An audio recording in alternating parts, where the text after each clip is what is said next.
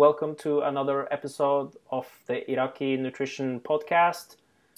I'm your host, Juma Iraqi, and um, before we start this day's podcast, I just want to announce that the podcast is now available on iTunes and SoundCloud, so you can get the audio version of this podcast, but you can also still watch it on YouTube. Today's guest is Megan Brighton, and we're going to talk about front squats and back squats. Megan, how are you doing today? Doing great. Thanks for having me. Thank you so much for agreeing to do this uh, podcast. Before we dive into the questions, could you just give us a brief introduction about yourself? All right. So, um, my story, I guess you could say, started back um, during my bachelor's degree. So I was I grew up in Prince Edward Island, Canada. Um, we were fairly limited in what you could specialize. So I was doing my bachelor's of biology, and like every other biology student, like, well, what am I going to do with that? Right? What am I going to do after I graduate? Um, and then it wasn't until probably about third year university I was introduced to powerlifting. Um, so from there, I went on and competed nationally, won a few titles, also got the opportunity to compete internationally. Um, and it inspired my career direction to do grad school, um, focusing on physical education and recreation at the University of Alberta. Um, so that's where I did my master's, and uh, my project focused on squat biomechanics. Um, so that stemmed from my powerlifting background and um, why the squat? Basically, because I sucked at it. Right, I was naturally good at benching. Um, you know, I'm pretty good at deadlifting, but um, I'm the type of person I have the long legs. My torso is so short that my ribs basically touch the top of my hips. Um, so I had I had some pretty ugly squat technique. Um, I mean, when I first started lifting, I didn't think that was I didn't know that was a bad thing.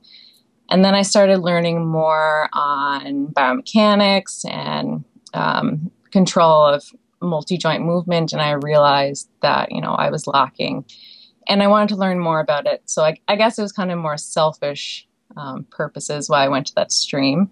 Um, so from there, I had my master's. Um, and then I went on to do my PhD. Um, I switched streams a little bit, even though it's in uh, human kinetics.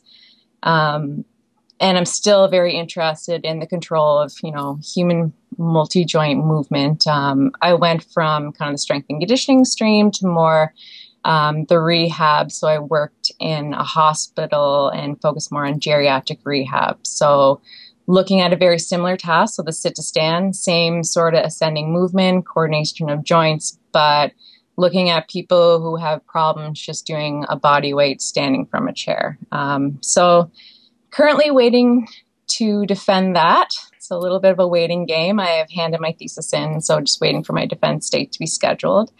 Um, and then from there, I'll be doing a postdoctoral fellowship at the University of Alberta in their um, rehab medicine faculty. Um, other than that, about myself, um, I'm also um, a CSCS, so um, I've been certified for the past, I guess, five years now. And um, for my training experience, other than just training myself and training in the gym, I've worked with from varsity athletes. So we worked with um, men and women's uh, volleyball, field hockey, um, to just your average Joe, to people. So I worked in a physio clinic um, called Active Health Institute in Ottawa, where I did physio mediated personal training. So people could come in if they had, um, say, like lower back issues or they had, you know, like herniated disc or hip issues. Then I would work one on one with a physiotherapist, designing a program for them to one so that they get exercise and two to make sure they're doing it safely and help relieve their pain yeah interesting yeah you also competed in something else uh, others other than powerlifting yeah so um, you know powerlifting i was very focused on you know the squat bench deadlift and then i realized you know maybe i want a little bit more had wanted to include some aesthetic goals. So I've also Um, competed in a few figure competitions, more so just for the challenge, and I really wanted to learn more about um, like how my body uh, responded to different type of eatings and cardio combinations, and I don't know, like I'm cardio was the enemy for me, but you know, it was just like a little bit of a challenge. So it, I was able to take some time off powerlifting during that time from competing, and then you know switched it to more bodybuilding focus. Um, and I loved it. Like I loved the challenge, loved the gains, but you know, my my heart is with you know strength and conditioning. Um, and even though I'm I don't consider myself a powerlifter anymore right now because I'm, I'm technically retired from competing. You know, I might jump back into it. We'll see um, one of these days. But um, just general, consider myself like a strength athlete, whether it's um, bodybuilding, you know, powerlifting, or any other type of cross training. cross training, not CrossFit. Yes yeah cross training. Yeah okay. Emphasize that. Yeah emphasize that. But uh, when when you were um, when you were competing for like you said you switched to more of a bodybuilding training routine did you still keep the three lifts in your program or? Um so one show i did i did my own like training. Um so i designed my own program. Mm-hmm. um, another one i kind of used i wanted to see like someone else's perspective um, and how they would get me to train. Um, but always kept my squat and my bench and my deadlift in, regardless if I did it the way that I would compete. So, say like deadlift, I compete sumo, mm-hmm. um, but maybe for a more bodybuilding type program and wanted less um, loading on my body. Um, I'd switch to more conventional because I find that in terms of hypertrophy, I I, I get more gains from conventional than I do sumo. Gains is good. Personally, I guess. Yeah. yeah. okay, uh, Megan, that was that was great. Should we dive into the questions then? Like I said, today's topic is uh, front squats versus uh, back squats, and uh, you have done a lot of research that's been published the last couple of years, especially on the on the squats. So, first question is like based on a person's structure um, is there anything that decides if you're better built to do a front squat compared to a back squat? Um, so we, we've seen this before, seen people talking about it, um, and uh, why some people have problems, you know, staying upright when they're squatting, you know, getting depth. Um, and in terms of body structure, um, people, you know, largely associated with your lower limb length or your femur length relative to your torso. So, um, someone with long legs and a short torso, like myself, um, in order to keep, say, if you consider the center mass of the system, so of your body weight in the bar, in order to keep that over your feet, one, you have to allow more toward force, so leaning um, for that position. And two, um, have problems getting into a more deep um, squat position, so below parallel specifically, um, because of those longer femurs or legs, you have to allow your knees to travel forward more. So that's going to require considerable um, flexibility, you know, ankle dorsiflexion and um, hip flexibility. So in terms of comparing front squat to back squat, it's not that there's a trade-off really it just makes thing matters worse for those people with the long limbs, right? Because of the bar positioning up on your shoulders, you're not allowed to permit that forward torso leaning, right? So if you were to compare someone with short legs versus long legs um, with the exact same stance, so if, if you got two people um, doing it shoulder width apart, say, um, the person with the longer legs and the longer femurs are going to be required to push their knees forward more. So there's more anterior travel of the knees to be able to keep that bar position and keep it over your foot. Um, so it's going to require not only you know the ankle flexibility to really push those knees forward, but also considerable quad strength. So cons- the more forward you allow your knees to travel, the larger the knee extensor demands are. So people with long legs, um, they're kind of they're at a disadvantage of squatting regardless, right? Um, someone with short legs, they're going to be able to adopt the front squat or the back squat more naturally. Um, but that that doesn't say that you know don't use it as an excuse, right? Like oh, I'm I'm not built to front squat. Um, so I'm just going to avoid it. Really, it should be the opposite. It should really be um, thinking about working on it even more. So, different ways to compensate would be you could widen your stance with a bit um, so that you can one include your glutes a bit more, take the loading demands off the knee extensors, um, use an elevated heel so you won't have to push your knees as forward as much um, and it increases your ankle flex or ankle range of motion.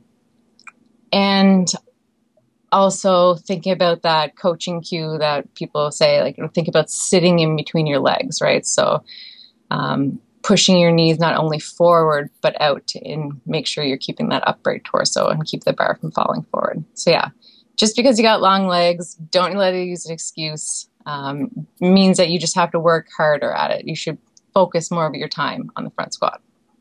Excellent.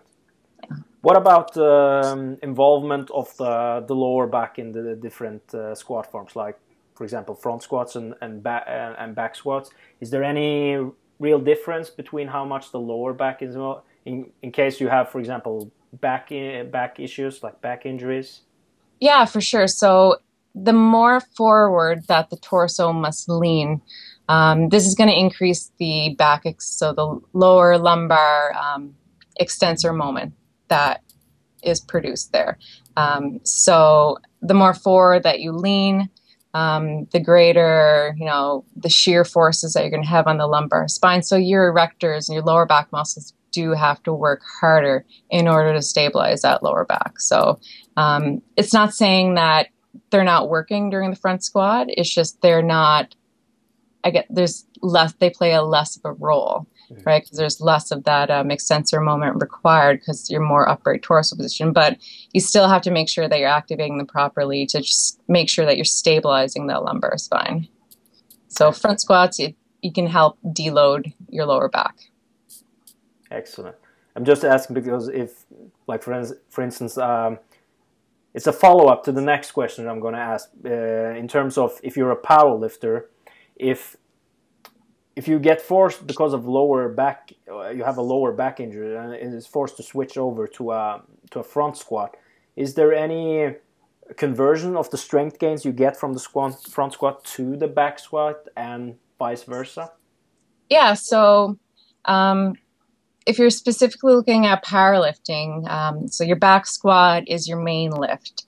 Um, so where the goal is to move the most amount of weight as possible as you can relative to your body weight. And um, so it's going to be the primary focus of your training. Um, in turn, the front squat can be considered more of an accessory lift to um, for someone in powerlifting. Yeah, definitely because it doesn't require that forward torso lean, so it's going to put less stress on your lower back. So if you're having some discomfort there, um, with that, um, it's also really important in developing um, upper torso strength. So your thoracic extensors, keeping that upright chest position. So strengthening that upper back, which is, you know, not just important for your squatting if you find that you're rounding in the hole, um, but also deadlifting, keeping that, you know, neutral spine. Um, and even so, like say Olympic weightlifting would take another step further. Further, um, upper back strength is really important in keeping that chest position for overhead pressing. Um, and then, so with front squat, the difference too is that you know your higher knee extensor demand, so you're working your quads more. Um, so say if you're someone, you know, be going back to the long limbed lift person um, that has to lean forward more. Um, and you're getting lower back issues either because, you know, chronic loading over time, or what you see a lot is people who don't have sufficient um, quad strength coming out of the hole, you'll see them collapse or do your typical good morning up, right? So rapid knee extension, and then you kind of lean forward and collapse forward a bit more.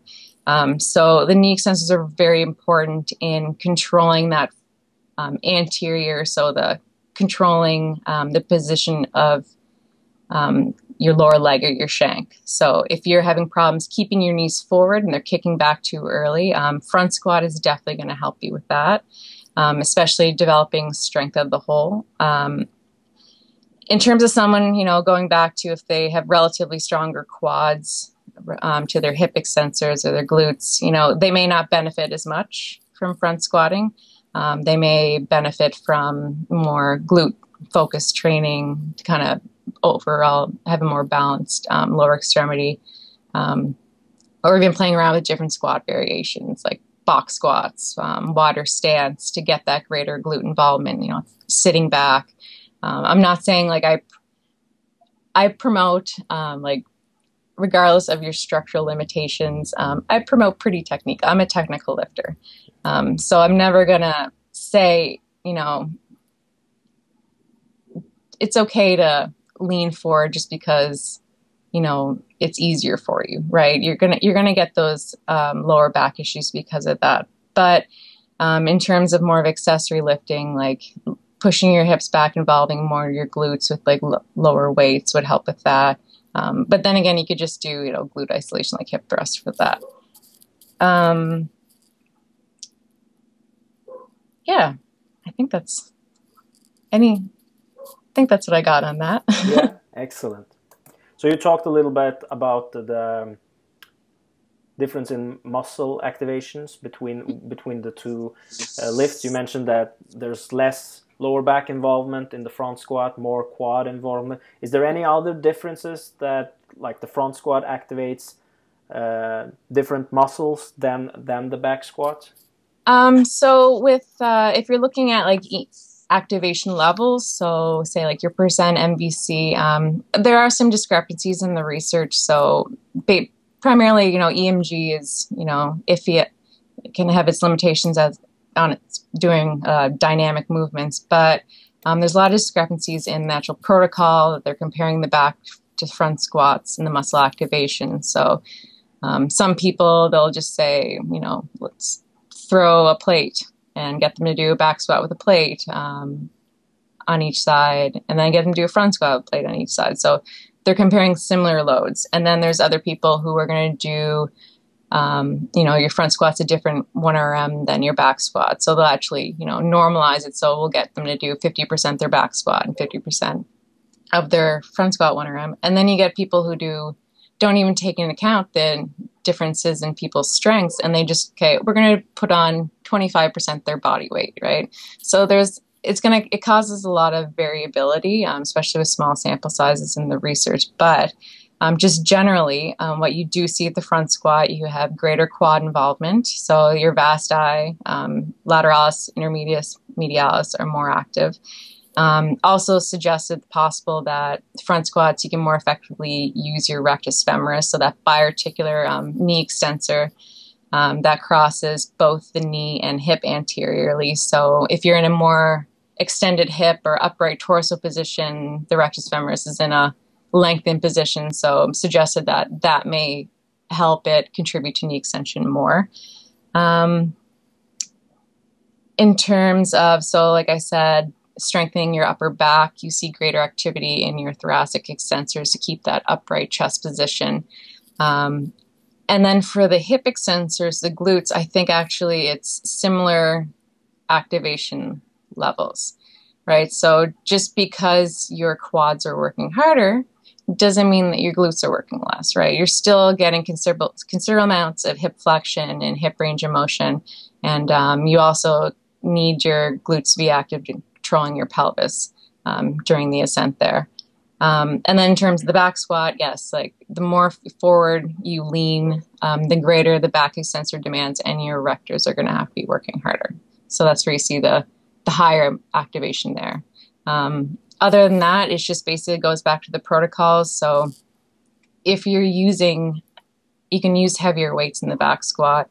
So you might get higher levels of muscle activation because you're um, kind of maxing out all the muscles. Where front squat, um, you're using a lower weight, so you might when you're comparing the two, so like knee extensor demands, um, that might also confuse people a bit. So you're using less weight, you might get some less muscle activation when you're comparing the two movements.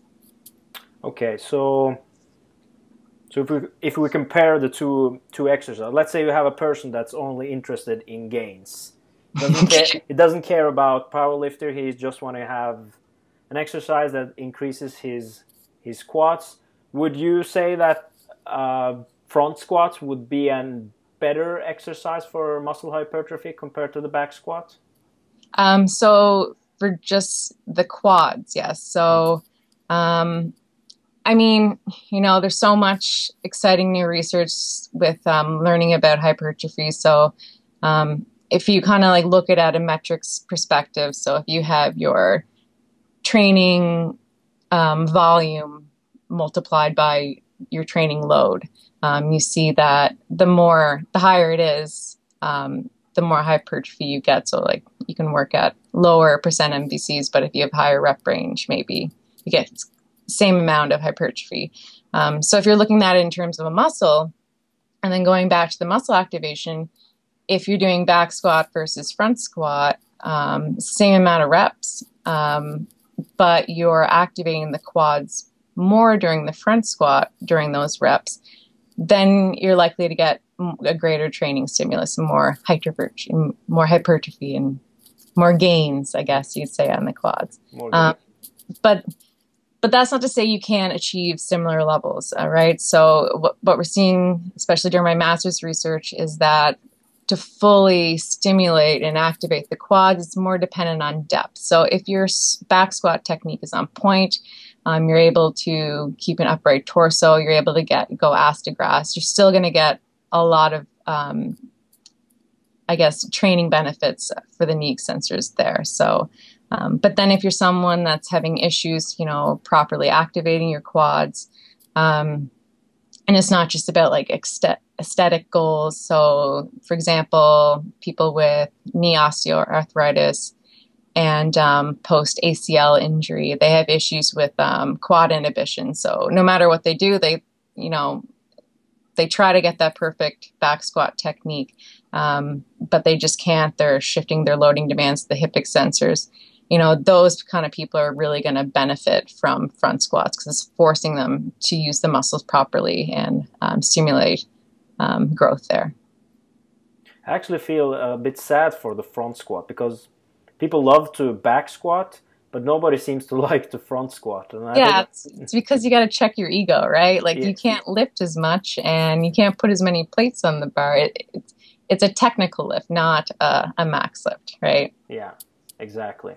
Uh, and I think even though that the back squat is still a technical lift, I think you there's more things you have to be careful about with with the front squat because I think that mistake that people do when they start to learn the exercise is that they don't learn the proper technique and you can probably get away with that when the when the load is not that heavy but as soon as the weight starts to increase there's it, more things that can go wrong. Yeah exactly so yeah. especially with with uh, having your torso uh, upright and not uh, tilting forward i i see that with a a lot of a lot of people at the gym that as soon as the weight starts to go up, it's pretty difficult to keep your torso up if you haven't done proper technique. Yeah.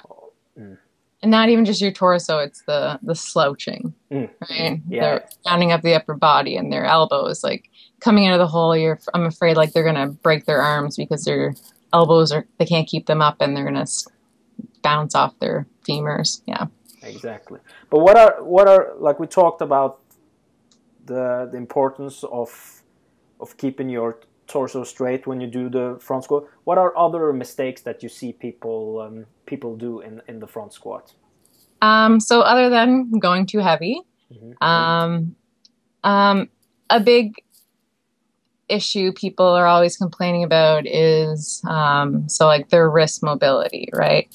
You know their wrists are hurting um, but it in most cases it really doesn't even have anything to do with their wrist. It's um, issues with their ability, so like their bar position or their ability to keep their chest up. So if you're caving forward, it's going to be putting strain on your hands.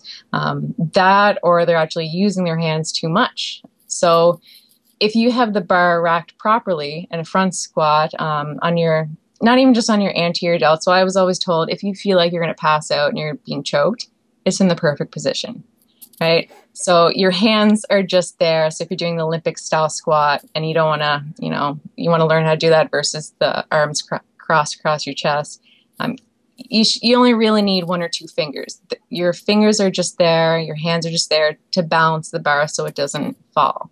Um, not forward, but doesn't go side to side, right? So if you're using your hands too much to hold it up, you know, you're going to get some wrist issues there. Um, so other than the bar position, um, if you can't keep your elbows up properly, right? So you're going to get some wrist issues, and you see people um, not able to get that that front rack position properly, um, and that has to do with a lot with um, muscle tightness, not not just like in the sh- what you think like your shoulders, your delts, but um, specifically your lats, right? So if your lats are too tight, you can't get your elbows up high enough um, and really extend that upper arm um, as well as your triceps. So people um, who can't keep their elbows up, you know, would benefit from stretching stretching their lats, stretching their triceps. Um, and then if you know you're doing all that right and you're still having problems and your wrists are hurting, um, it's more likely to do with your thoracic um, strength and mobility. Um, so you know you hear people talking about like T spine mobilization. So they're talking about the thoracic portion of your upper back. Um, and they're unable to really get that more extended big chest position because they don't have the range of motion. Um, and two, they don't have the strength to maintain that range of motion. So, especially if you're hitting the hole, um, you got that quick um, change in direction. If you don't have the upper back strength to keep your chest up, everything's going to collapse down, right? So, making sure you have you're able to get that um, position is really important. That's and the whole bar position is what people do primarily focus on with front squats versus back squats. Um, but then again, um, another thing I commonly mistake I see with people is, you know, like I'm doing front squats because I want to get my my quad gains, but don't forget about your glutes, right? Your glutes are still important. There's still hip extension going on. Um, you still have to rotate that thigh to get an upright position. Um, it's all really important in controlling your pelvis, like I said. Um, but also with front squats, the greater the knee extensor or quad demands, the more there's going to be an anterior pull on your femur um, in your hip socket. Um, so you got to really make sure that you're keeping tension in your glutes to counteract that, or you're going to end up with some bad anterior hip pain. Um, and the last thing people always forget about is, you know, squatting. It's there's hip extension and knee extension, but there's also ankle plantar flexion, right? You're also extending at your calf. Um, so don't forget about your calves. I, have been asked before, you know, like if I do calf extensions, it'll help my squats. Like, well, like, yeah, technically, yes, it will. Um, in front squats, it's there's a much more of a balance component, right? um, you're more restricted of how you can move your body segments to maintain that bar position over your foot. Um, and your calves are what control your center of pressure on your foot. So um, without properly being able to use them, um, you're going to have issues with falling forward. Um, and then also because it's a closed kinetic chain movement, um, your ankle plantar flexors, so your calves are actually assist uh, your knee extensors in rotating your lower leg or shank more vertically. So let them help, right? Don't forget about your glutes. Don't forget about your calves. Just like don't get so focused on quads, quads, quads. That's great advice.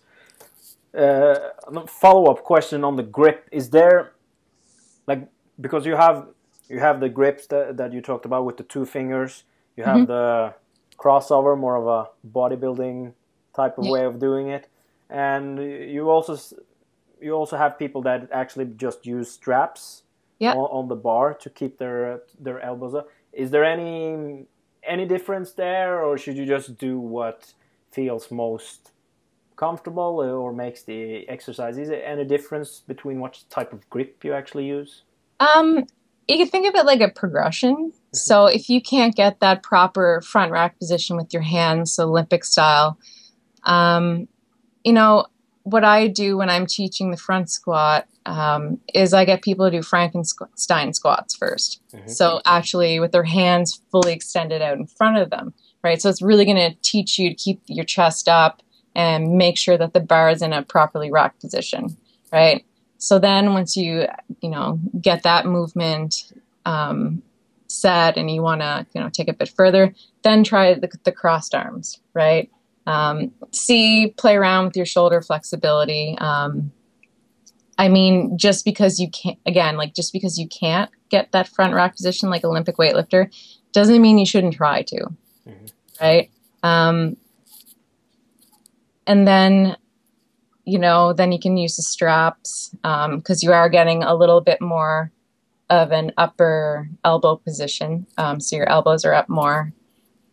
But, you know, that's going to challenge you to keep them up more versus if your hands are crossed, um, crossed in front of you, you don't have to worry about your elbows really hitting your legs. So if you're switching to more elbows up with the straps, again, making sure that you have that range of motion um, in your shoulder to be able to keep them up and the strength in your upper back to keep it up.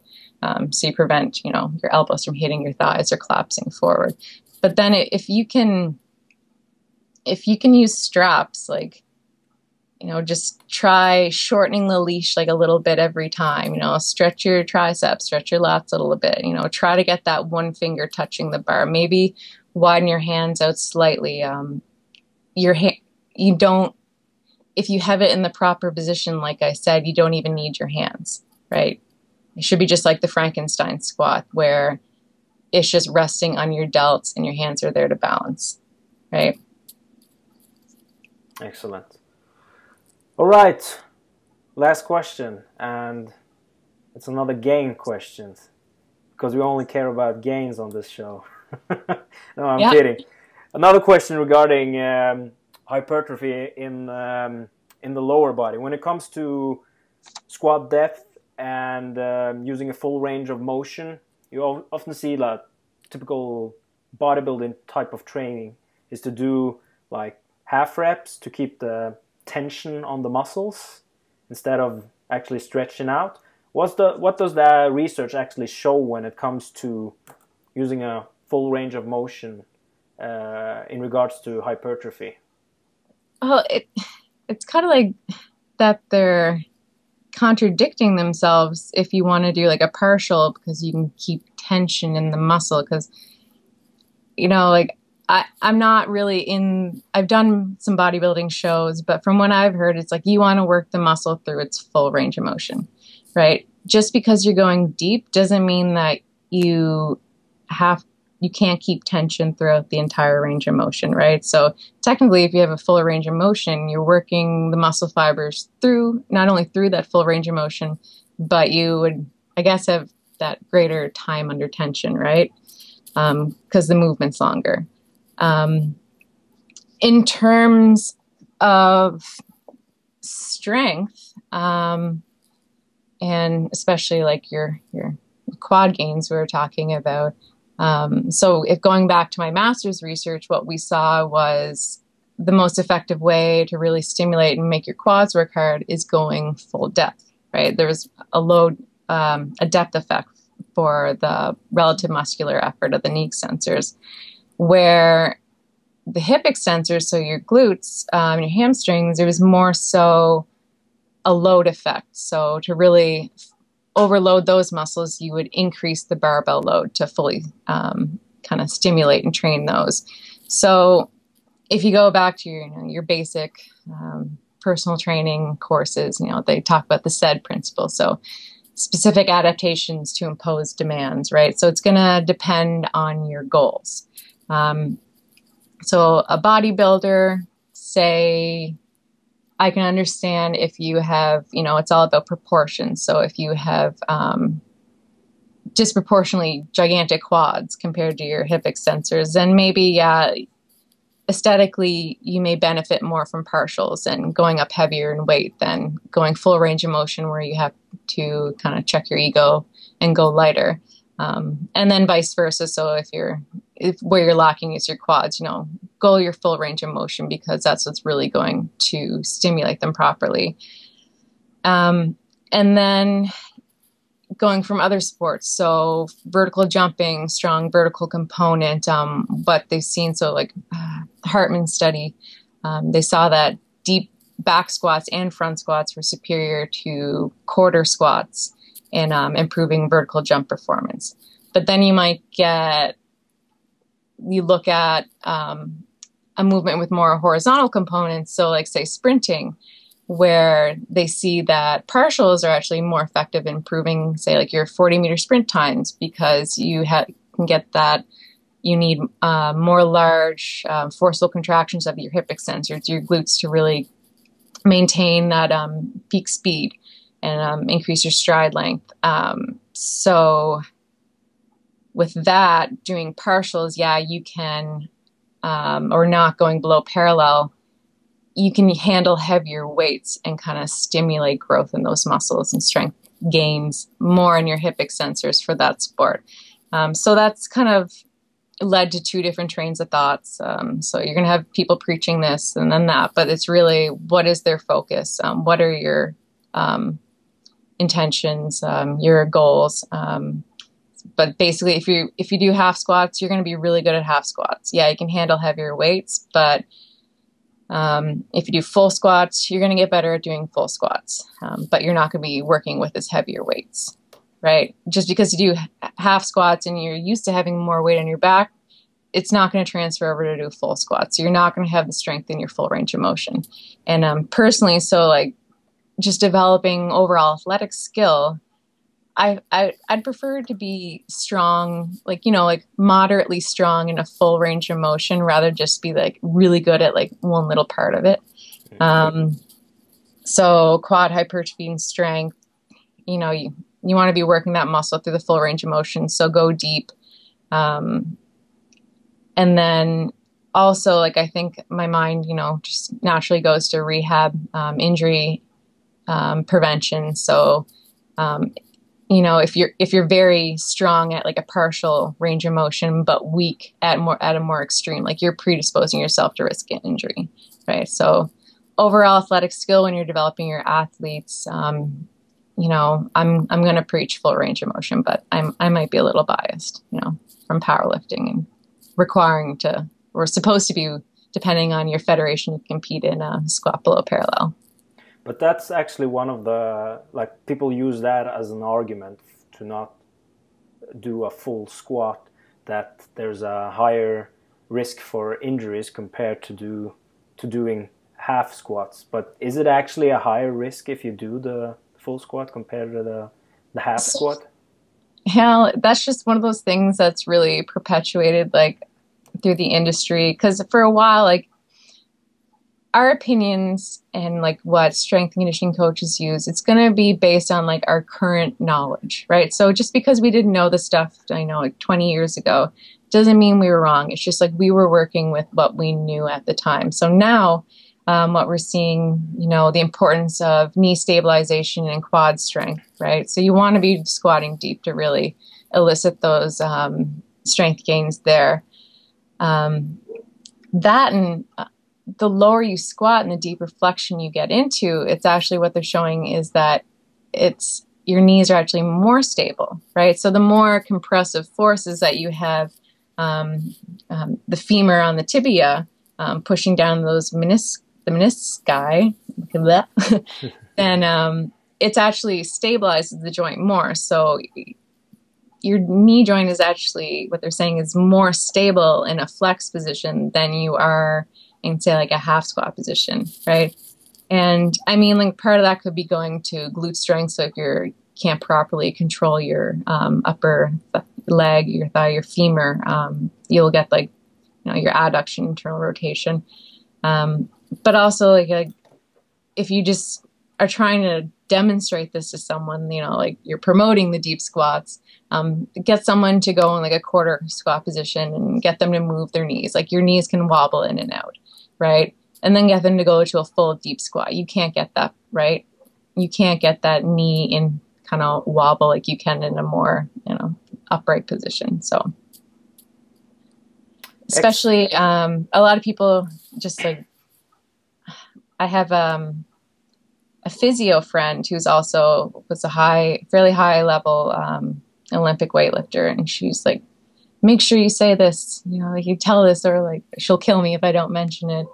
Um, so, you know, like people are saying it's, you know, pushing your knees forward and squatting deep is so bad for your knees because it increases the shear forces. Um, but as long as you're balanced properly, so if, say, um, like